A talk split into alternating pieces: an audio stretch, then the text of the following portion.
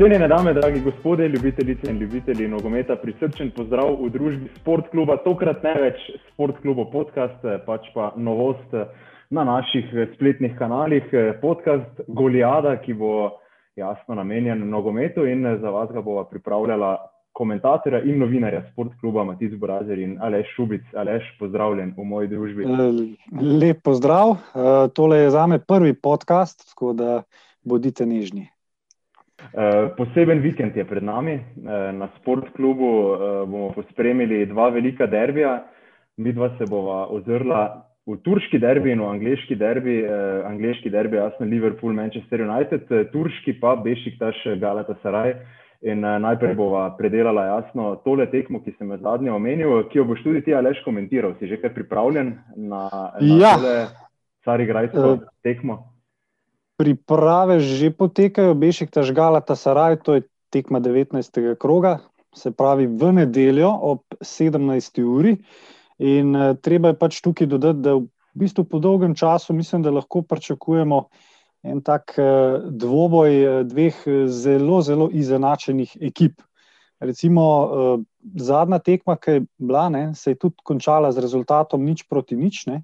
Ampak eh, v tem primeru bi pa mogoče tukaj jaz tehnico bolj prevesil na stran eh, Bešiktaša, ne glede, mislim, glede na formo, ki je trenutno, ne, ker trenutno so prvi, Galata Saraj je tretji. Uh, tako da lahko pričakujemo v bistvu eno zelo, zelo zanimivo tekmo. In, uh, kot smo se mi dva že prej pogovarjala, uh, Jalčin, trener Bešiktaša in pa Terim se zelo dobro poznata. Uh, tudi uh, podobno taktiko gojita, in uh, bo zanimiv, zelo zanimiv, no, bo videti, kako se bo Bešiktaš spoprijel v bistvu z vlogo favorita, konc koncev. Ja, zanimivo bo tudi videti, kdo bo prevzel eh, pobudo na zelenici, ker, eh, kot si že omenil, Jalčina in Terima oba gojita podoben nogomet ali postavitev 4-2-3-1 ali 4-1-4-1 in oba bazirata predvsem na agresivnosti in na tem, da imata posest. Se mi pa tudi Ja. zdi, tako kot si ti rekel, da je Bešiktaš v boljšem momentu, pa jasno moramo dodati še tudi formo uh, Bešiktaša na teh derbijih doma, ki je fantastična. Ne? Galatasaray ni imel veliko uspeha od eh, tistega uh, obračuna 2015, ko je Ja, nazadnje zmagal eh, proti Bešiktašu. Takrat so, z, takrat so na zadnje zmagali, uh, bilo je 2-0 oziroma 2-0. Ampak je pa recimo zanimivo, ne? recimo tista tekma je bila odigrana 4. januarja, uh, se pravi meseca januarja, uh, to je zdaj že, bomo rekli, šest let nazaj, mečkam več kot šest let nazaj. Sodnik na tisti tekmi, ne? to je bil tudi za njega zadnji derbi, je bil pač Unej Čakir. In Čakir bo sodel tudi zdaj na tej tekmi. Ne? Zdaj pa bomo videli, koliko recimo se lahko ta niz prekine, glede na to, da sod Čakir ne zaradi sodnika samega, ampak pač določene stvari se včasih v nogometu pač postavijo na svoj način. Ja, Čakir je, mislim, da vseeno logična izbira glede eh, samega sodnika. Eh, Pa mislim, da moramo vseeno izpostaviti še dejstvo, da so tribune še vedno prazne. Ne? Eh, Dobro, zdaj, če bi bila tekma doma, bi imel Galatasaray jasno še nekaj več eh, prednosti, ampak eh, tudi Bešiktaš ima zelo vročekrvne navijače, ki so lahko v tej sezoni optimistični. V prejšnji sezoni je Bešiktaš sedem točk zaostal za Bašak Šehirjem, ki je osvojil svoj prvi naslov. Letos Bašak Šehirju niti približno ne gre dobro. Galatasaray pa 12. se je mesto. pobral, Galatasaray pa se je pobral po lanski sezoni, ko je osvojil samo šesto mesto in se v Evropo uvrstil po kazni za Trabzonspor, pa vseeno je Terim Ja. ostal na klopi. Ja, terim je terim, ne? terim lahko v bistvu, vsaj po mojem mnenju, zgubi, oziroma ne dobi nobene tekme v sezoni, pa bo na koncu sam odločil, ali bo šel ali bo ostal. S tem, da kar smo jih pri lanski sezoni, ne? recimo lan je imel Galatasaray po 17 tekmah 27 točk. In to, kar si rekel, šesto mesto, to je bilo pravzaprav najslabša uvrstitev po sezoni 2015-16.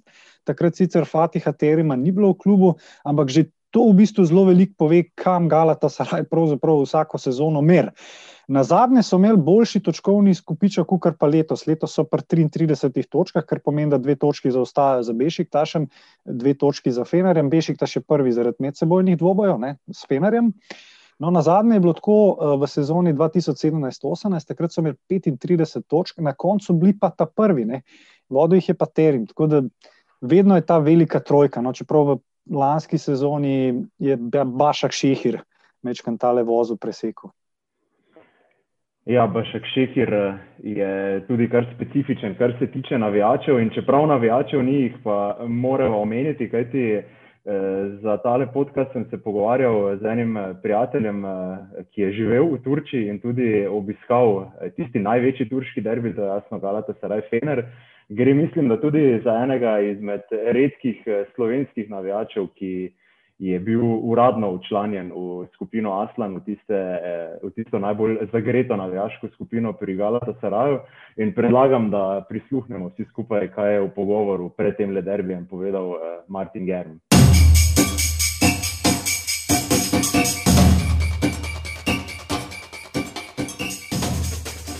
Veselje in čast eh, mi je, da lahko v našem eh, podkastu Golijada pozdravim tudi velikega navdušenca nad nogometom, eh, tudi sicer mojega prijatelja Martina Germa. Martin, lepo zdrav, jasno najprej in pa srečno 2021. Zdravo, Matic, servus. Ja, hvala, enako, vse srečno, vse dobro tebi in vsem poslušalcem in gledalcem sport kluba.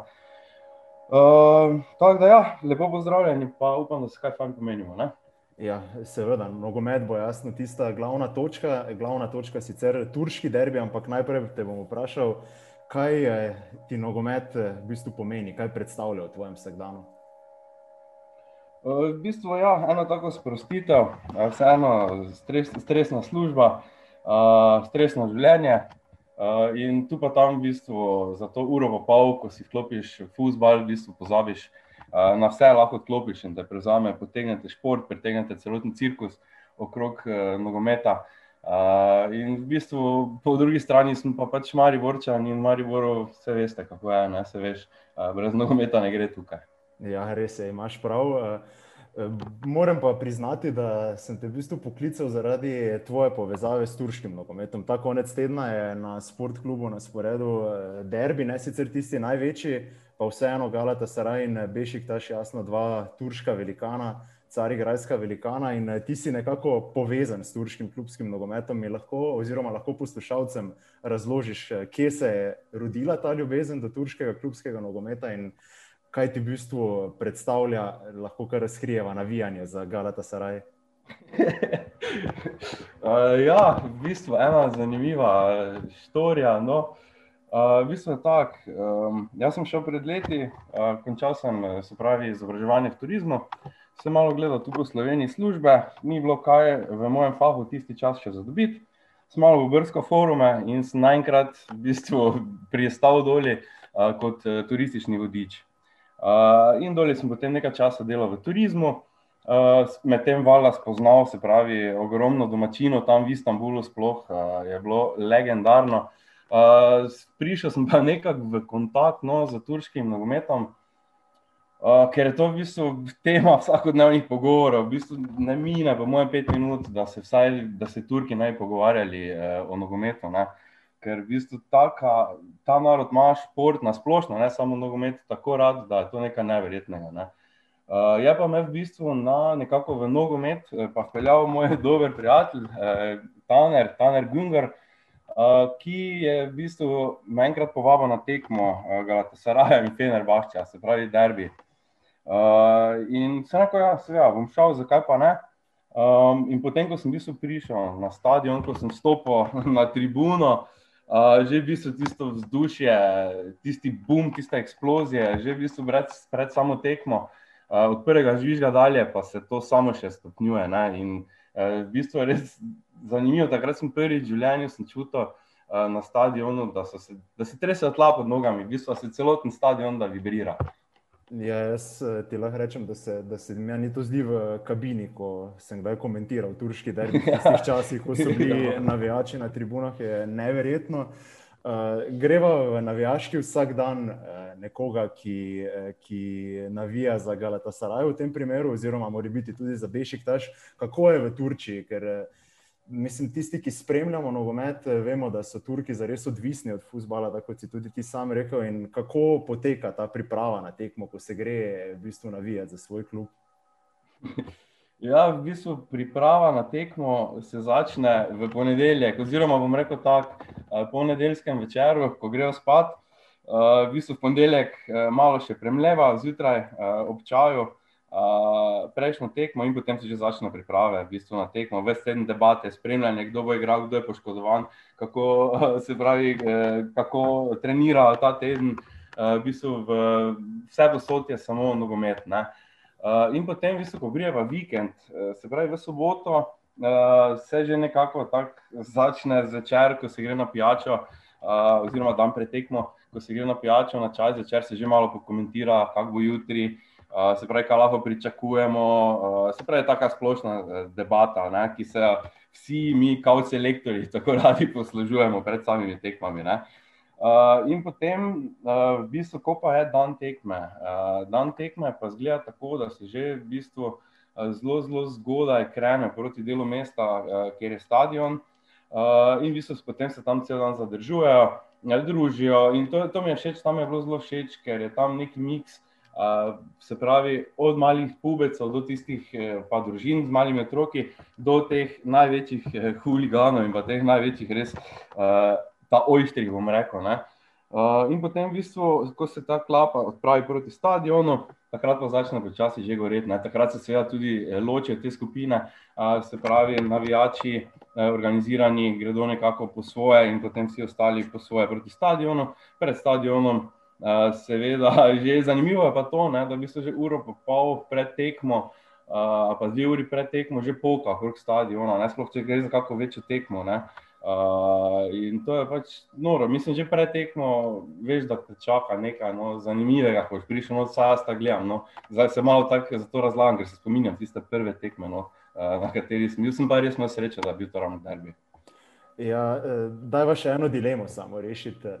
Na evropskih televizijah veliko krat slišimo različne izgovorjave turških velikanov, Galata, Saraj, Bešik, taš, kako se prav izgovori. ja, to je veliko krat ja, v prenosih lahko slišimo. Uh, Galatasaray in podobne, uh, podobne uh, se pravi, pojem, podobna poimenovanja, ampak v bistvu se pa reče Galatasaray. Uh, in to je potem, ker dejansko ta klub izvira iz dela mesta, to so študenti, ne, ki so takrat klub uh, v bistvu ustanovili so se pravi, se zbirali in živeli v delu mesta Galata.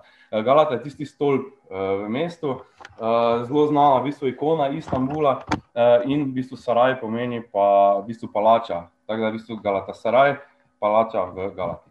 Bešik daš, pa je bešik daš. Tako. Mislim, da slišal sem v bistvu več, se pravi, odvisno tudi od pogovora, kako se pravi, od naglaševanja uh, v samem pogovoru. No, sem slišal in bešiktaš, in bešiktaš. Uh, tako da, v bistvu, to pa zdaj ne morem ravno uh, te biti. No, en, eno dilemo smo rešili. Torej, uh, veliko krat vidimo po Facebooku, predvsem to je v zadnjih letih moderno, uh, posnetke razbijanja televizij doma. Uh, so Turki zares tako čustveni ali je veliko teh stvari odigranih? Le, Matic, tako je. Ne. V bistvu Turčija je edina država zdaj na svetu, kaj sem videl, da imajo v kafičih noter, da spremljajo šahovske tekme, ne, šahovske prenose. Uh, in se v bistvu tudi nekateri ob tem razburijo, ko gledajo šah. Ne. Kaj še le, ko pride res do športov, se pravi, z tako nabitimi čustvi, uh, kot je nogomet. Uh, sploh pa, ko pride res do tistih tekem, za katere navijači in igralci, in v bistvu rekel, celotna Turčija dejansko uh, dobesedno živijo. No. Kaj pa družinske vezi, tudi te zgodbe sem sam že bral v različnih knjigah, eh, da, da, da je to nekako dejansko kot zgodba Romeo in Julija. Če se naprimer sin od strastnega navijača Galata Saraja zaljubi v hčerko eh, strastnega navijača Fenerbahča, kako gre to skupaj? Ja, bolj težko. Mislim, uh, v bistvu poznam en primer. No. Uh, v bistvu, uh, Mehmet Ilhan, uh, sodelavec v Turčiji, uh, on se je v bistvu ženil preko mosta, bom rekel, ne, se je ženil iz Evropske na interkontinentalno stran, ne, uh, oziroma na azijsko stran, se pravi, čujem. Uh, in uh, je bilo kar zanimivo, ker v bistvu, ko je prvič ga pripeljala domov, ko je šel spoznati starše. Uh, se še o tem niso pogovarjali. Mu je povedala, naj ga najprej spoznajo, ne? naj vidijo, kak je tak kot pubec, še le potem ne? lahko mogoče omeni, da navija. Ne? Uh, in v bistvu je bilo tako, da je fotor, uh, njen oče, uh, v bistvu ni vedel, mislim, da je leto pa pol, ko sta dva začela hoditi, da je, je v bistvu navijač največjih nasprotnikov. Ne? Ampak potem nekako, ko so pa to, ko pa to enkrat povedal, uh, je rekel, da ni isto, da ni isto. Feeling je malo čuden. Uh, bil, ko je, mislim, ko so se to pogovarjali, uh, je rekel, kot da, ko da mu ni najbolj potrodišalo, da je ščerko. Uh, ampak je rekel, tekem, potem, ne, tekem ne gledajo skupaj, verjetno. Uh, tekem ne gledajo skupaj. Ne, uh, v, bistvu, uh, v bistvu tudi je tako, da to je tabu tema tudi doma, uh, naprimer na kosilo, ko grejo eni ali pa eni k drugim. Ne.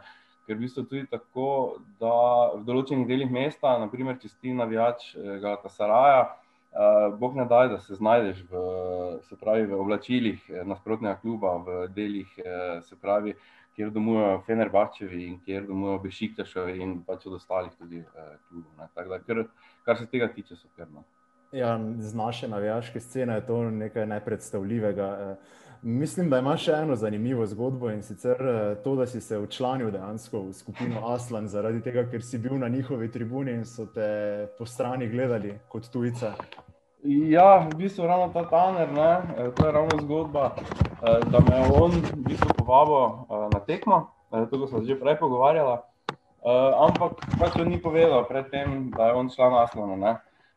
In pred tekmo mi dva greva, se pravi, valjda gremo še nekaj spit, ne? preden gremo na stadion. Uh, pridemo uh, v lokal ne, in v bistvu v klub uh, njihov, ne, v, v klub od Aslana. In tako že na začetku, kako smo stopili not, uh, nekaj tako čudnih pogledov, poljem povedal, ker jaz sem tudi malo, malo potem sem, kar sem slišal, pa prebral, ne, uh, tudi mi je bilo vseeno, uh, ampak je pač rekel, da je vse vredno, da sem z njim, da bo on že zrihtal se v zmeno. In v bistvu sem se potem, v bistvu so potem pubeci tam, ko sem pa povedal, da sem v bistvu iz Maribora, iz Slovenije, uh, bili navdušeni, ne? mislim, navdušeni. Pač fulni je bilo vredno, da se bo zdaj en mari, vrta en slovenec eh, v članu. Ne? Moram pa povedati, da so poznali, seveda, uh, slovenske te nogometaše, reprezentanco, tako da je tudi to bila ena tema, tam debate noter v tem klubu. Ne? No, potem pa, ko smo šli pa na stadion. Uh, tam pa je bilo, se pravi, ker itak ultrasi imajo, se pravi, tudi med sabo so malo razdeljeni. Uh, jaz sem bil, se pravi, med, bom rekel, casualsi, uh, Uh, tisti, ta res, ta najbolj ta vojštri, pa so v posebnem sektoru. In ko smo šli tam mimo, uh, nekako nisem pasal tam noter, naj je bilo malo čudnih pogledov, pa to, ampak konec koncev je bilo potem vse ok. Ja. Uh, je pa res, da sam definitivno ne bi upal iti niti blizu tiste tribune, če bi se tako znašel na, na tekmi. Ampak priporočaš pa, ko bo ta korona čas mimo vsem ljubiteljem nogometa, da jasno obiščejo enega izmed turških derbijev najbrž. Definitivno, definitivno svetujem. Uh, itak, uh, Gala, Fener, ne, to, to če, mislim, če imate radi nogomet, če imate radi to vzdušje, uh, ki je poleg same igre na igrišču, uh, je mislim, da to je en najboljših stvari v futbalu, kaj jih lahko doživiš. Seveda, itak, da se ne bomo pozabili, seveda, uh, poleg derbija, Maribor Olimpija. Ja, domač nogomet je seveda vedno pomemben in mislim, da tudi ti veš, da ga bomo v naslednji sezoni spremljali pri nas na sportklubu. Da bi še samo pokomentirati padec turškega klubskega nogometa v zadnjih letih. Spremljaš še kaj, Galata Saraj, od kar si nazaj v Sloveniji? Uh, ja, spremljam, mislim, da te velike tekme pogledam tudi. Uh, pa tako, ja, bom rekel, da vsake toliko malo grem na klubsko stran, malo svežim, da vidim, kaj se dogaja v, v klubu, pa v bistvu na splošno v turški ligi. No. Je politika res eh, toliko kriva, da, da, da je futbol padel, ali, ali gre za skupek vsega slabega poslovanja v zadnjih letih, pa, pa, pa tudi težav z UEFO? Uh, Tako je, ti to ravno sem v bistvu hotel reči, da je tu politika, ima dosti kršitev. Uh, koliko pač poznam, koliko se pač tudi pogovarjam s prijatelji uh, iz Turčije, uh, tudi sami pravijo, da dejansko tudi če bi šlo klubom zelo, zelo slabo, tudi če bi, če bi bil dobesedno Turška liga finančno na psu, navijači bi še vedno hodili na tekme, še vedno bi hodili na tekme, še vedno bi podpirali klub. Uh, zdaj pa dejansko pa je nekako tudi obisk na turških stadionih upadal, ker preprosto žal so Turki vsi ti vsega že. Uh, in ne najdejo potem v bistvu razne res tistih največjih navijačev. Uh, toliko, bomo rekel, volje, da se spravijo za vikend uh, na, na stadion. Uh, in, in tu to pač moram reči, da je tudi en od razlogov. Jaz sem v bistvu tudi razmišljal, da, da bi v Turčiji ostal in tam živel, ampak je bila v bistvu politika, ki jo vodijo, en od razlogov, no, glavni razlog, da sem se vrnil nazaj. Ja, no, zdaj pa greva še, da pustiva politiko v tole sezono. Zelo napeto je, Bešik ta še zaenkrat prvi s 35 točkami, Fener in eh, Gala pa sledita. Fener je točkovno izenačen z eh, Bešik tašem, ki bo nasprotni Gala ta Saraja. Kaj ti kot navijač Jim Boma praviš? Eh, bo Gala na koncu tisti, ki bo zmagal? Kakšna je tvoja napoved? Ja, glede na serijo, glede na serijo, seveda Bešik taš, uh, absolutni favorit. Ne? Ampak mislim, da po par sezonah, zdaj, ko se raje tako nekako medlo, vse skupaj, vse še vedno. Ampak, če ne druga kot član Aslana, bom rekel, čim bom, čim bom, čim bom zmagal. Ja, pa imajo Fatiha Terima, ne? absolutno tako, legendo eh, turškega nogometa. Eh, Martin, hvala za tvoj čas. Jasno, vabljen, da preživiš eh, derbi v naši družbi v nedeljo zagotovo bo vroče. Pa se še kdaj, seveda, slišimo tudi v okviru podcasta, ko bo spet na sporedu, kak turški derbi, najverjetneje tisti največji. Hvala ti. Menjeno, adijo, lepo bojite. Ja, hvala, Martin, za res eh, zanimivi detajli iz eh, turške navijaške scene. Ali si predstavljaš, eh, da se zaljubiš v punco, pa ne, pa ne smeš pri njej povedati, za kateri klub navijaš? Ta, težko, ampak v Turčiji je zgledal vse mogoče. Pa po mojem, da ne samo v Turčiji, ampak v Turčiji, pa potem, eh, kar smo slišali, mislim, da je res treba paziti. Uh, za kater klub navijaš, oziroma ne za kater klub navijaš, ampak če že navijaš, recimo za določen klub, da se ne gibaš po območjih, kjer uh, so rivali. Ne. Ja, očitno je tudi novo. zelo pomembno, da šah jemliš resno, ne, ko greš v Turčijo, da, da, da, da slučajno še tam ne, ne dobiš kakšne vzgoje. Ja, priznam, priznam, tole me je malo presenetilo glede šaha, ker uh, pri šahu vsaj načeloma je tišina, sediš v miru, ampak da pa tam uh, takšne stvari počnejo, to je pa že. Ampak dobro, pač taka je kultura uh, in res se pozna, no, ko so govorili, oziroma kar si omenil prej. Da je škoda, ker ni navijačev, res se pozna, no, da, da ni navijačev, ker en, ena, ena dodatna stvar so, sploh pa v Turčiji. Eh, sploh pa v Turčiji, s tem, da recimo, če se vrnemo pa pol nazaj na Bašak Šehir, Bašak Šehir je pa res specifika glede navijačev. Ne? In tudi, ker so bili lahko prisotni navijači, jih ponavadi niso imeli veliko. To je pa drug problem. Ne? Ja, se to je mora biti specifika prejšnje sezone, ko je Bašak Šehir prišel do naslova. Ne? Bil je blizu ja. že v prejšnjih letih, pa na derbih in na tistih odločilnih tekmah vedno odpovedal, lani ja. pa navijačev ni bilo. Fatih Terim se ni mogel zanesti na svojo vojsko, pa tudi pri Fenerju in pri, pri Beših Tašu niso imeli tistih eh, fanatičnih navijačev in to se, to se je res eh, zelo poznalo. Vsaj, vsaj ja. v tistih odločilnih tekmah. Pa, pa še nekaj bi dodal, kaj, kaj tudi imamo težuje delo. Ne? Angleži pa Španci so poskrbeli za nek IT zvok. Ja, in tudi, tudi je lažje spremljati nogomet. Ne? Ja, uh, pa še tole moram dodati, angliži, španci in tudi indici, ker uh, tudi te je treba omeniti. To pa moramo, to je pa časna omemba. To si ti čakal od 2015-2016, ko smo začeli delati na sportklubu in smo delali Indijsko premijo ligo, da, da jo nekako umestiš eh, v podcast. Ne. Ja, to, tako je. To je bilo slavnostni. To, to sem mogel omeniti. To sem mogel omeniti. Po pa imam še jaz časno omembo. Povej. Tunil četi. Tako je, to je pa indijska nogometna legenda, brez heca. Brez heca ljudje lahko malo pogooglajo, vse ni problem. Ja, to je splošna izobrazba nogometna, azijska, tako. azijski Kristijano Ronaldo. Tako, tako. Še eno stvar moram dodati, Matic, um, glede samega derbija, no, uh, ki bo v nedeljo. In sicer zelo pomembno bo, kdo bo te prvi dal gol. Ne, ker jaz sem prišel do ugotovitve, da če Bešiktaš Do zdaj, do zdaj je v prvenstvu Bešiktas na štirih tekmah, kot prvi dubo golni. Na koncu imel poraz. Gol razlika je bila 40.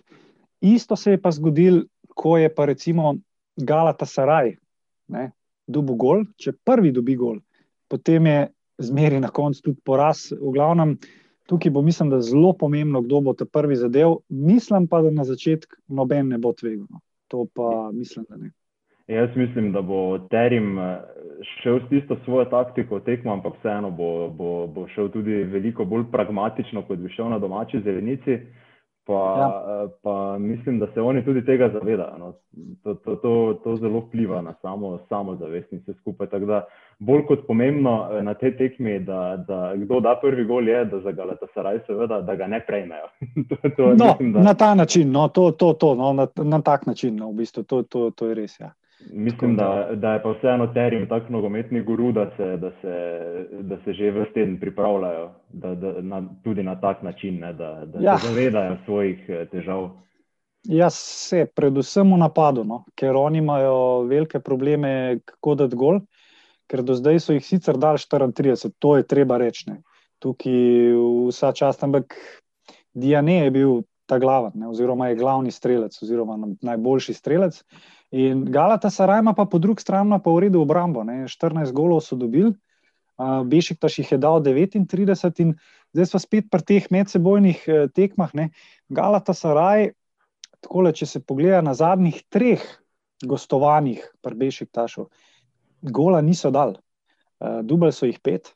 Recimo, pač ja, tista ta zadnja je bila sicer 0-0, uh, tako da bomo videli, v bistvu, no, kako se bo zadeva razpletla v nedeljo. Ampak kdorkoli bo tukaj zmagal, prvenstvo delač od tega, da bo odločeno, ker eh, prvenstva, pa ne se sliši tako še klišejsko ali pa karkoli, prvenstva se dobijo na teh mehkih tekmah.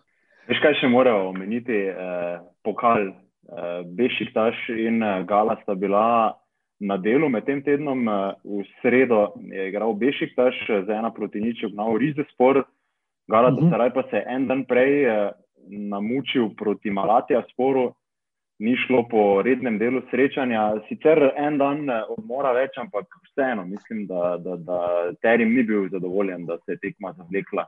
Ne, ni. Po mojem, po mojem bi bil celo na koncu vesel, če bi kar izpadlo. No. Da bi bila zgodba zaključena, ker bi se pa lahko res samo prvenstvo posvetili.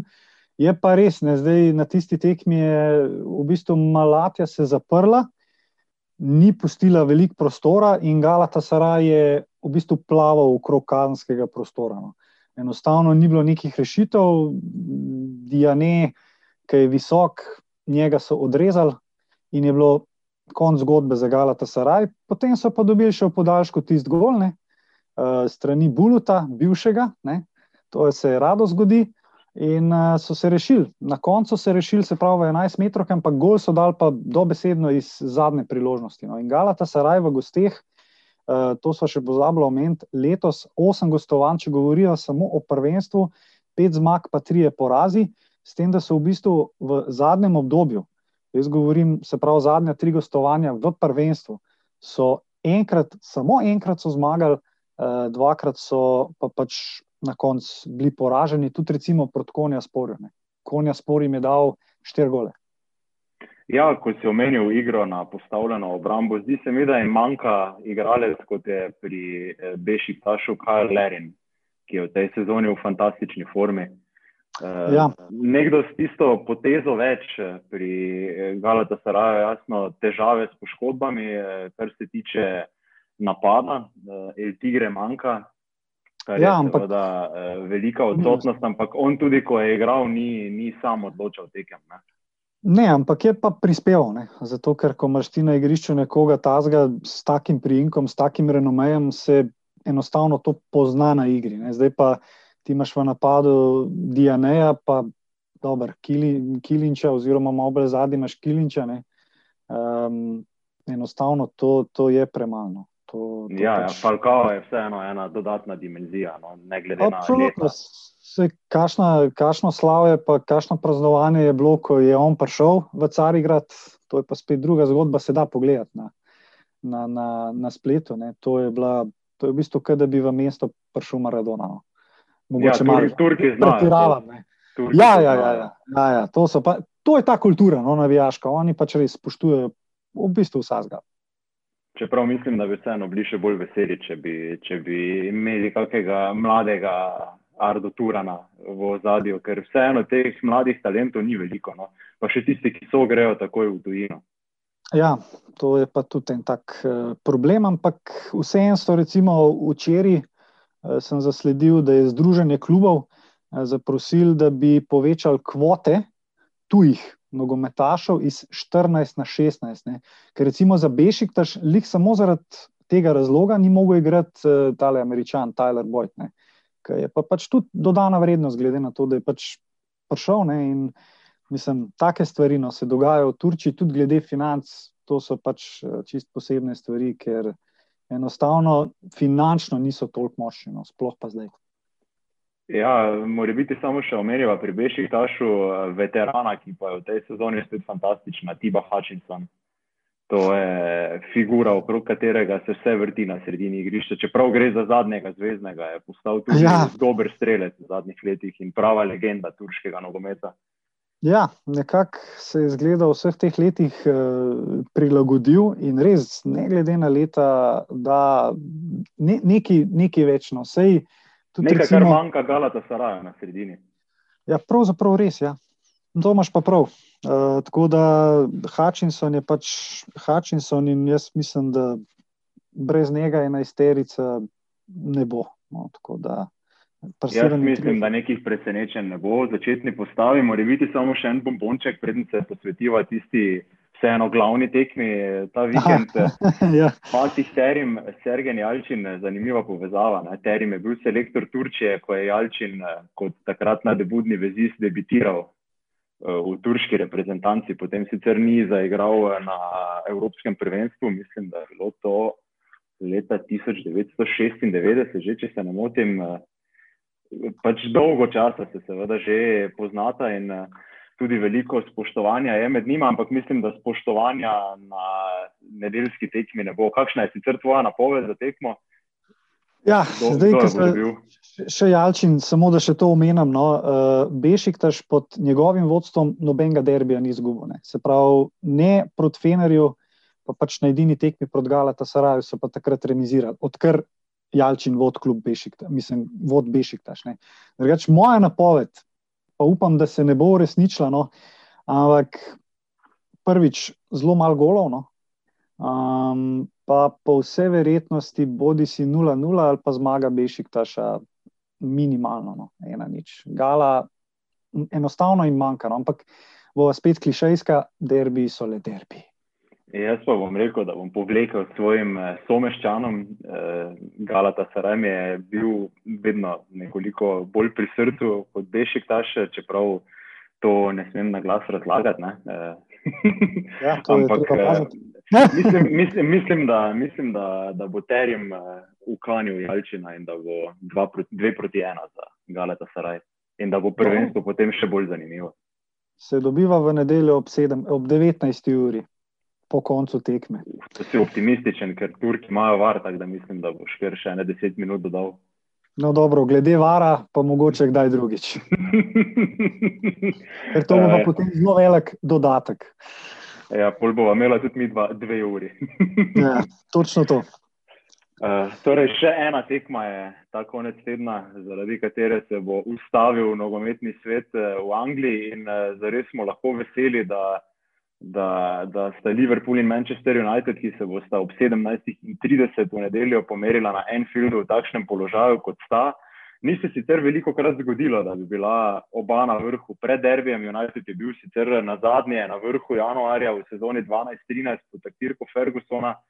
V tej sezoni je bilo že na tem, da Solšer zapusti klop, pa poglej, kje so zdaj. Nogomet res piše neverjetne zgodbe si si mislil, to sem, eh, kot bomo kasneje slišali tudi v pogovoru z našim komentatorjem Dejanom Obrezom, ki bo, ki bo pospremil tole tekmo, si si mislil, da je lahko United prvi. Ja. ja, glede na začetek sezone, čisti iskreno, absolutno ne. To je Ampak, pač. Solšer je neverjeten, ko je, ko je na tem, da ga da ga odstrelijo, ko že vsi mislimo, da je nekdanji, potem on to, on, oni se dvignejo kot nekje, pepela. Nekje, nekje nekaj izvleče, ne? ker recimo je ja, konc decembra, uh, Liga prvakov in te stvari. Ampak res, to je meni uh, zanimivo, no? ampak dejansko nekako se zgleda, da pri Unitedu delajo na dolgi rok. No? Se pravi, ne, ne hitijo, da bi recimo pa kar naenkrat po nekem slabšem nizu rezultatov, da jim odpustiti trenerja in pripeljati novega in neko novo zgodbo začeti. Tako da po eni strani je tudi zelo zanimivo to spremljati. Ja, meni se zdi, da bi se nogomet eno moral malo umiriti, kar se tiče teh hitrih menjav. Solšar ja. je sicer eh, trener, ki ima definitivno svoje pomankljivosti, kar je že dokazal na tistih eh, neodločilnih ne tekmah za, za njegovo kariero in za njegov morebiten odhod, ampak na tistih odločilnih tekmah, ko se je šlo za neko lovoriko. Eh, takrat je kar padel na izpitih, če se spomnimo Evropske lige, pa, pa pokala v prejšnji sezoni ampak ima pa v tej sezoni stansko priložnost, da postane nesmrten. Ne, ker marsikdo se je delal norca z Unitedove obrambe, zdaj, če bi dobil s to ekipo Premier League, potem mislim, da bi bil malo kdo, ki bi se upal delati norca z njega. Ja, samo zdaj, recimo, kar, kar se tiče pa Uniteda. Um, ti misliš, da je v nedeljo za United dejansko nek tak zrelosten izpit, ker dejansko zdaj na teh izpitih do zdaj niso bili lih najboljši. No. Mislim, ponavadi so ali izgubili, ali pač v glavnem niso eh, prišli do, do nekega izraza. Ja, spomnimo se, spomnimo se FA pokala ne, v prejšnji sezoni, proti, oziroma ja, FA pokala v polfinalu proti Čelsiju. Uh, tri proti ena je Chelsea slavil, in uh, potem uh, Arsenal sicer na koncu v finalu do Lovorike. No, tisto, tisto je bila ena taka tekma, zrelostni spit, šlo se je za evropsko stopnico, ker je bilo eh, zelo eh, tesno, jasno je, sicer United potem prišel celo v Ligo prvaka, ampak novi zrelostni spit, pa še Kšehir, gostovanje v Turčiji, totalen razpad sistema, pa potem proti Parizu na Žermenu. No, ta, to mi je bilo zelo ja. zanimivo, sploh proti Baša Kšehirju. To je bilo meni zelo zanimivo no, videti. Ja, od tiste tekme, ko, ko, ko je bil Facebook poln uh, analiz, kaj je delala Unitedova obramba, vsi so, vsi so brili norce z rdečih vragov, je potem Solšer nekako zdaj popeljal ekipo do tega, da je na vrhu angliške premier lige, pa tudi obramba daleč od tega, da, da bi bila smešna v zadnjih krogih. Res ja. fantastičen niz. Uh, z izjemo tistega pokalnega spodrsljaja proti Sitiju v ligaškem pokalu, ja, je ja, Manchester še... zelo zanesljiv. Ne? Po, po tistem ja, porazu proti Leipzigu, ki ga, ki ga še nismo omenjali. Mogoče, mogoče je to še zelo dobro, no, glede ligaškega pokala, da so pač izpadli. Ja, pač, angliški ja, ritem ja, je neverjeten. Ja. To, to je res, to, to, to mogoče bo to na koncu zelo pozitivna stvar. No. Ker takrat ja. se je videl, da bo pa zdaj kar United ta prvi. Ne? In so pač navijači upali, da imamo vsaj neki dobiti to sezono. Ampak zdaj se pa razpleta, kot se ne. Ja, ampak ob zrelostnem izpitu za, za Premier League pa je ta tekma pomembna, seveda še za FE, pokal, kajti v naslednjem krogu že naslednji teden. Potem, če, če imam prav v spominu, kar naslednjo nedeljo, od 24. januarja, še en derbi. Ne? In če bi United oba izgubil, pa ne da karkoli napovedujem, potem bi ostal brez možnosti za pohaljni naslov. Pa mislim, da bi tudi psihološko padel v Premier League, Liverpool pa bi se dvignil iz zadja, pa tako ali tako že prihaja tudi City, ki za vodilnim Unitedom zaostaja za štiri točke, pa ima tekmo manj. Tako da, kot si rekel, zrelostni izpit, bomo pa videli, kako ga bodo oddelali rdeči vragi. Ampak spet ne, to je isto kot situacija v Turčiji na teh tekmah se ne dobi prvenstva. Je res pač psihološko, to se strinjam, eh, lahko pač se zgodi tak, taka stvar, ampak recimo primerne. Eh, v Španiji, Real je dubo tekmo proti Atletiku, kaj je pa počel na teh malih tekmah in je v bistvu zdaj še, še dodaten minus naredil. Ne. Mislim, da so na koncu minus 4 točke ustvarjali po tisti tekmi, Eh, z Atletikom, ki so jo dobili. Atletiko je dobival tekme, teka je pač enostavno mogel, ker so bile tam male, ne. Real je pa zgubil točke na tekmah, ki bi jih mogel dobiti. Ne. In to je ta konstantnost. No. Ja, vse, ko si omenil te male tekme, zakaj je United prvi? Ker je Liverpool začel kiksati v tej sezoni na malih tekmah, oziroma manjših tekmah. Eh, ja. Remi z West Bromom 27. Eh, decembra, remi z Newcastlom in pa še poraz z Southamptonom. In ja, to je glavni recimo, razlog, zakaj je United na vrhu. Kaj pa recimo Brighton, Fulham, to je bilo tudi uh, v bistvu ena, ena. Tudi recimo dober tisti, je bil proti Aston Villa, tisti, ki yes, tako ali ne. tako. Ampak eh, v tistem obdobju je tudi United imel svoje težave, ne spomnimo. To je res. Ampak United ima od 7. novembra dalje samo dva remija. Se pravi, po omeniti morajo še fantastično formo v gosteh, ampak preden se mi dva uloviva no. vse te številke in to, eh, predlagam, da prisluhnemo še eh, kratkemu pogovoru z Dejanom Obrazom, ki bo, kot sem že dejal, eh, za vas pospremil tole tekmo. Uh, Dejan, hvala, da si, si vzel čas za nas. Uh, Najprej mi iskreno povej, kako si se nasmejal po žrebu za četrti krok FA pokala, ko si videl, da bomo imeli enkrat, oziroma dvakrat v enem tednu največji angliški derbi na sportklubu. Ja, res sem se nasmejal in si rekel, da je znova enako, kaj ti kar veliko, kar se zgodi, da ekipi, ki eh, praktično v zelo podobnem času igrata med seboj v državnem prvenstvu. Eh, res veliko krat se zgodi, da jo potem žreb v zelo, zelo podobnem terminu združi tudi v pokalu, znova se je zgodilo. In eh, res super veseli smo lahko, da bosta eh, dva takšna derbija na programih sportkluba v razmaku sedmih, osmih dni. In to na obeh stadionih, tako na Enfieldu kot na Old Traffordu. Žal, seveda, brez gledalcev, ampak tu zdaj že vemo, da pač ne moremo nič, da moramo vsi skupaj to prebroditi in potem upati na lepše čase. Ja, to se strinjam, upam, da bodo ti lepši časi čim prej prišli. Zdaj pa mi še enkrat iskreno odgovori. Si si novembra morda biti mislil, da bi lahko United na Enfield eh, prišel kot vodilna ekipa?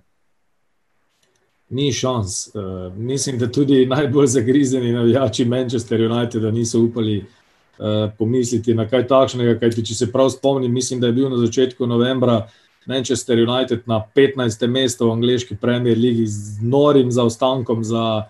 Eh, vodilnimi ekipami, res da lani v podobnem času, v še večjem zaostanku, ampak predvsem eh, Manchester United eh, enostavno ni znal osvajati točk, predvsem na domačem igrišču. Takrat so bili v nekem res katastrofalnem nizu, mislim, da so osvojili zgolj eno točko na uvodnih štirih ali petih domačih tekmah. Skratka, nič jim ni šlo. Potem je decembra sledil še izpad iz lige prvakov, zdelo se je da je Selšer eh, že nekako na odstrelu, ampak eh, opozarjali smo takrat, komentatorji, tudi na to, da se je Selšer že znašel v takšnem položaju in da je ravno takrat Manchester United potem začel čudežno nizati dobre rezultate. Če, boste, če se boste spomnili v lanski sezoni, eh, mislim, da celo domači poraz. Z Brnljem, vse ladje, navijače Manchester United, so potonile, potem pa je sledil uh, uh, nor niz eh, Manchester United in uvrstitev na koncu na mesta, ki vodijo v Ligo prvakov. Tako da očitno se mora rdečim vragom, vsaj po taktirko Norvežana, zgoditi, da uh, padejo v neko brezno, da se pol znajo pobrati in zdaj vidimo, da so prišli celo na sam vrh lestvice, kar je na nek način za neutralnega navijača, dobro, verjamem, da še bolj za navijače Manchester United, ampak tudi za nas. Eh, neutralne, eh, nekaj lepega, glede na to, da rdečih vragov že dolgo časa, eh, praktično od odhoda Sera Alexa Fergusona, mislim, da osem let nismo videli v takšni poziciji. In res je lepo videti, da se zadeva razpleta v tej smeri. Ja, sezona 12-13 je tista, ko so na zadnje bili na prvem mestu in takrat je bil Ferguson trener. Ti si prava uh, Biblija, kar se tiče teh derbijev. Se spomniš, mora biti, kdaj si naredil prvega? Uh, po moje, da je že krepko preseglo 20 let. Eh, pri 21 letih sem uh, začel delati angliško premijer ligo, takrat še na lokalni televiziji, se pravi, uh, skoraj četrt stoletja je že od tega, tako da se jih je kar nekaj nabralo. Ne vem pa natančno, kateri je bil prvi. Verjamem pa, da sem odšteval dneve, ure in minute, kdaj se bo vse skupaj začelo. Bilo jih je ogromno. Enako občutek imam še sedaj, tako da glede tega tudi zdaj odštevam, komaj čakam nedelja 17:30, da se začne zadeva odštevati in da se tekma začne. Ja, verjamem, da je bilo derbijo ogromno. Ne bom te vprašal, koliko jih je bilo, ampak imaš morda najljubšega. Imaš morda najljubšega. najljubšega. Uh, tu bi moral pa kar pošteno pobrskati po spominu. Spomnim se enega, ko je imel Liverpool na Old Traffordu kar 13 metrov, ki tam je najbolj ostal v spominu. Steven Gerrard je, mislim, da dve izkoristil, eno ne, ampak to se mi je takrat zdelo v bistvu nekaj neverjetnega, da na tako velikem derbiju gostujoča ekipa dobi kar 13 metrov. To, to je tisto, kar mi trenutno najprej pade v glavo. Dejan, United, kar nekaj časa ni bilo med temi glavnimi kandidati za najvišja mesta, tudi derbi je nekako izgubil blišče, zdaj pa nas čakata dva fantastična derbija na različnih stadionih, kot si dejal. Kako se ti zdi, da prazne tribune vplivajo na vse skupaj? Meni se zdi, da ima Liverpool doma veliko težav, tudi United, pa to smo se seveda že omenila. Bo to odigralo kaj vloge na teh derbijih, ki prihajajo? Predvsem bo odigralo vlogo pri nas, gledalcih, da tako rečem, jasno, da tudi nogometaši.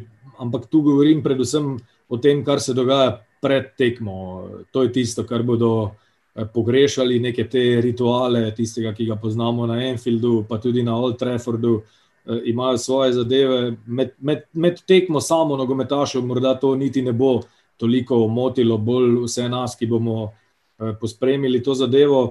Uh, se pa tudi sam veselim, da se derbi nekako vrača v tistem pravem svojem blišču, kot se spodobi za dva najtrofejnejša angliška kluba. Uh, tudi ko nista bila čisto pri vrhu, so otoški mediji vselej, ko sta se srečala, poudarjali, da gre za največji angliški derbi, da je le vprašanje časa, kdaj bodo prišli znova takšni dnevi, takšen čas, kot ga imamo sedaj in res smo lahko veseli, da je prišlo zdaj to v tem trenutku in da bomo na sportklubu imeli dva uh, takšna uh, velika derbija v razmaku, kot sem že prej dejal, sedmih, osmih dni. Veš, da te ne bi klical, če ne bi želel še tvoje napovedi. Ne? Tako da me zanima, kaj ti pričakuješ. Ne rabiš napovedati rezultata, ampak kaj misliš, kje bo United psihološko po teh osmih dneh? Bo še više ali bo Liverpool tisti, ki bo nazaj v sedlu? Eh, če pošteno povem, imam občutek za prvenstveni dvoboj, da ga bodo dobili reci, predvsem zato, ker zdaj čutijo nekako potrebo, da tekmo nujno dobijo, ker eh, jim je Manchester United eh, ta hip ušel za tri točke in se mi zdi, da bodo z tega vidika skušali izčrpati, ne bom rekel jezo, ampak neko športno zadevo, ki te sili v to, da skušaš tudi sam znova priti na sam vrh. V prvi vrsti uh, imam pred temi derbi uh, ne malo krat strah, da se ne bo dogajalo tisto, kar se na derbih veliko krat zgodi, da bi šlo za neko otipavanje, uh, ki bi trajalo predolgo. predolgo. Uh, se pravi, upam, da ravno zaradi tega, ker je Manchester United zdaj pobegnil v Liverpoolu za tri točke, bo to uh, pravšnji motiv za rece, da bodo uh, od prve minute napadli. Za njih je to seveda lahko tudi dvorezen meč, kajti Manchester United igra izvrstno tudi v proti napadih. Eh, skratka, v tej sezoni je užitek spremljati tako ali drugače. In eh, zato verjamem, da se tisti moj strah eh, o predolgem otipavanju ne bo. Uresničil in da bomo spremljali dobro nogometno predstavo. Kot pravim, imam nekako občutek, da bo prvenstvo na tekmo dobil Liverpool. Eh, potem pa bo marsikaj tudi od tega odvisno, kako se bo razpletal čez teden dni dvoboj tudi v teatru sam, kdo bo tisto pozitivno jezo znova uspel preusmeriti v pravo smer. V vsakem primeru pa bi takoj podpisal, če bi mi nekdo rekel, da bomo na vsaki strani videli po pet zadetkov. Uh. To, to, to, to bi bilo super. Mislim, da bi tudi gledalci uživali.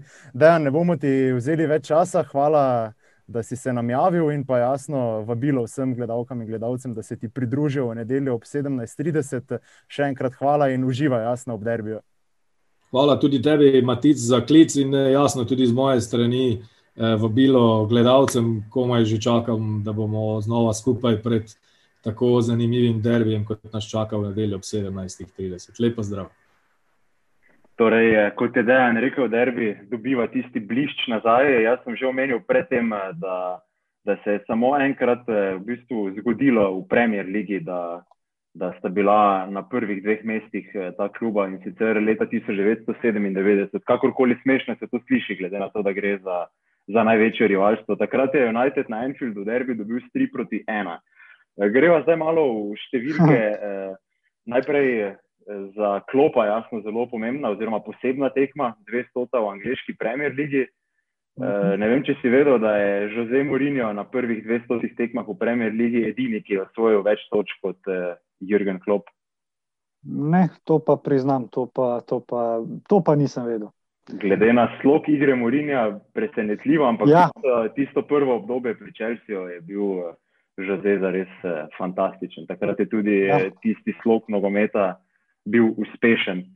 Uh, kar se tiče Liverpoola in uh, Uniteda, moramo primerjati že omenjeno formo uh, Uniteda v gosteh in pa mhm. jasno, neverjetno serijo Liverpoola doma v Premier League. 67 Premier League tekem brez poraza doma, to, to je nekaj nepredstavljivega v tako močnem prvenstvu. Aprila 2007, zadnji poraz. Misliš, da je, misliš, da je United dovolj močen, da to prekine? Ja, glede teh nizov, enkrat se morajo končati. Ne. Zdaj, se bo to v nedeljo končalo ali ne, to se ne ve. Ampak glede na samo predstavo Liverpoola, glede na zadnje tekme, je United v mehki prednosti, pa še treba je dodati, da na Enfieldu ni navijačev. Ne. To je pa tudi ena taka stvar, ki mislim, da Liverpoolu uh, dela minusno. Ja, absolutno, seveda. Pa, pa tudi jasno vse težave, ki jih ima Jurgen Klopp v obrambi s poškodbami, seveda Van Dijk manjka. Je pa sicer eh, vredno izpostaviti eh, fantastično formo Fabinja, ki se je prelevil v super štoperja. Eh, mhm. Marsikdo je pričakoval, da bo, da bo Klopp poiskal rešitev pri katerem od mlajših fantov, vendar Fabinjo je zares steber obrambe. Bo pa vseeno, mislim, da je imel nekaj več težav tem slogom igre, ki ga goji United, vsekakor lahko pričakujemo, da bo Liverpool več pri žogi, United pa bo igral na proti napade. In uh, tu mislim, da bi Fabinjo lahko bil v težavah, ker se ne postavlja tako dobro kot uh, Van Dijk. Kaj ti meniš o tem? Ja, glede samih uh, taktik, ne, to se na koncu tako pokaže na, na, na terenu, ampak uh, se kar strinjam uh, s tabo glede tega. No, ker dejansko se pozna, zelo se pozna odsotnost Vandajka. No. Uh, upam, da se bo čim prej vrnil. Se ne vem, ali je že kakšen podatek, da bo nazaj v kadru. Ja, bo, bo še kar nekaj časa preteklo. Najbolj optimistični upajo, da tam na ja, nekateri. Nekateri so menili, da Liverpool v bistvu rab nekoga, neko, neko ukrepitev v obrambi. Ampak mislim, da je pa klop uh, vse en tak štručko, no, na rekovajih, da te stvari vse en zna uh, zapolniti. Ta slab nizkaj pa trenutno, to se pa načeloma res ne bi spuščal v same napovedi, ker je pa res vedno, vedno nehvaležno. Ja, in pa samo enkrat pod klopom Liverpool ni na štirih zaporednih tekmah zmagal. To se samo enkrat zgodi. To je pa podatek, ki si mi ga zdaj pač povedal. No? Glede tega, to nisem vedel. Ne? Tako da, ja, to je pa tudi ena taka stvar, ki tudi lahko doda eno dodatno vrednost temu derbiju v nedeljo. Veliko številk sicer eh, govori v prid eh, Liverpoola, kar se tiče tudi tekem, najte, da proti veliki šesterici. Na zadnjih štirih tekmah brez zmage, ampak vse to si že rekel, da so nizi za to, da se prekinjajo. Je pa jasno, United je vedno zelo uspešen, tudi kar se tiče tekem na Enfieldu. Neverjetno je, da imajo United še vedno na Enfieldu v Premier League več zmag kot Liverpool. 12, Liverpool jih ima 10 ob šestih remijih, pa tudi klop ni ne vem kako uspešen proti, proti Manchester Unitedu. Če pogledamo tole statistiko, ki jo ima nemški strateg, ki je sicer jasno pravi talisman pri Liverpoolu, Jürgen Klopp je samo na treh tekmah eh, od enajstih proti Unitedu prišel do zmage. Torej, od vseh nasprotnikov, eh, ki je, ki, s katerimi se je pomeril v svoji trenerski karieri, ima prav proti Unitedu najslabši odstotek. To je tudi nekaj, kar glede na formo Uniteda, odkar je klop na otoku, mora biti ni tisto, kar bi kdo mislil na prvo žogo. Ja, zgledamo neki ne ustreza pri uh, rdečih vragih. Ne? Ampak uh, vsaka tekma je zase. Tukaj, recimo, kakšno tako prav posebno napoved delati. To, mislim pa tudi, recimo, glede same statistike. Ne? Statistika je lahko zelo zavajajoča. Ne? Zdaj, treba je pač pogledati, kako so se igrale tiste tekme, uh, kakšni so bili rezultati, uh, zakaj je sploh bilo, oziroma zakaj je bil tak rezultat, kot je bil. Ne? Tako da te stvari, pa glede teh medsebojnih dvobojev, to je pač tako, no bom rekel, stvar, ki je res precej, precej za debatirati. In uh, če se pogleda klopa proti Unitedu, ja, dve, dva porazama. Ne. Ja, ampak če se pogleda pa klopa proti Solšeru, pa še ni poraza, pa ena zmaga. Ne. Tako da ja. to so te številke, so zelo vrljive, vse glede na ja, daljše obdobje za nazaj. In, jasno, nimajo niti nobene prave zveze s tole tekmo, ki jo bomo dočakali v nedeljo, ko bo United torej skušal priti do šestih točk prednosti pred eh, večnim tekmecem. Jaz mislim, da je mora biti za ligo celo bolje, da, da se tekma konča z remijem ali pa da zmagajo United, kajti mislim, da bo vseeno zaradi kvalitete Liverpoola in pa samo zavesti Liverpoola bolje, če bo Liverpool moral loviti tekmeca, mm. kot pa če stre zaenkrat. Uh, ekipo, ki, ki, moj, ki je najbolj kos in se potem spet nekako poda v tisti zmagoviti niz in hitro pride do, do lepe prednosti, ki bi bila neulovljiva. Se strinjam. Se strinjam s tabo, Matic, tukaj jaz ne bom nič več dodal, zato ker uh, si povedal. No? Ker je pač dejansko ja, za, za samo prvenstvo to zelo priporočljiv, mislim, priporočljiv. Čuden se. Ja, navijači se z nami absolutno ne bodo strinjali. Ne? to je res, to je res. To se ne bojo, ampak eh, tako pač je. Ne? Uh, ker recimo imamo pa tudi še siti zadnji, tudi to ekipo je treba omeniti, da ni, ni pač tukaj zdaj samo ali United ali Liverpool. Ne. Ker siti pa tudi začenja zmagovati, začenja zmagovati tekme, ki so male tekme in tako naprej. Skratka, take stvari. Jaz bom napovedal rezultat 2 proti 2. Kaj pa ti? Moja napoved, nekam sem si jo zapisal, samo da pogledam.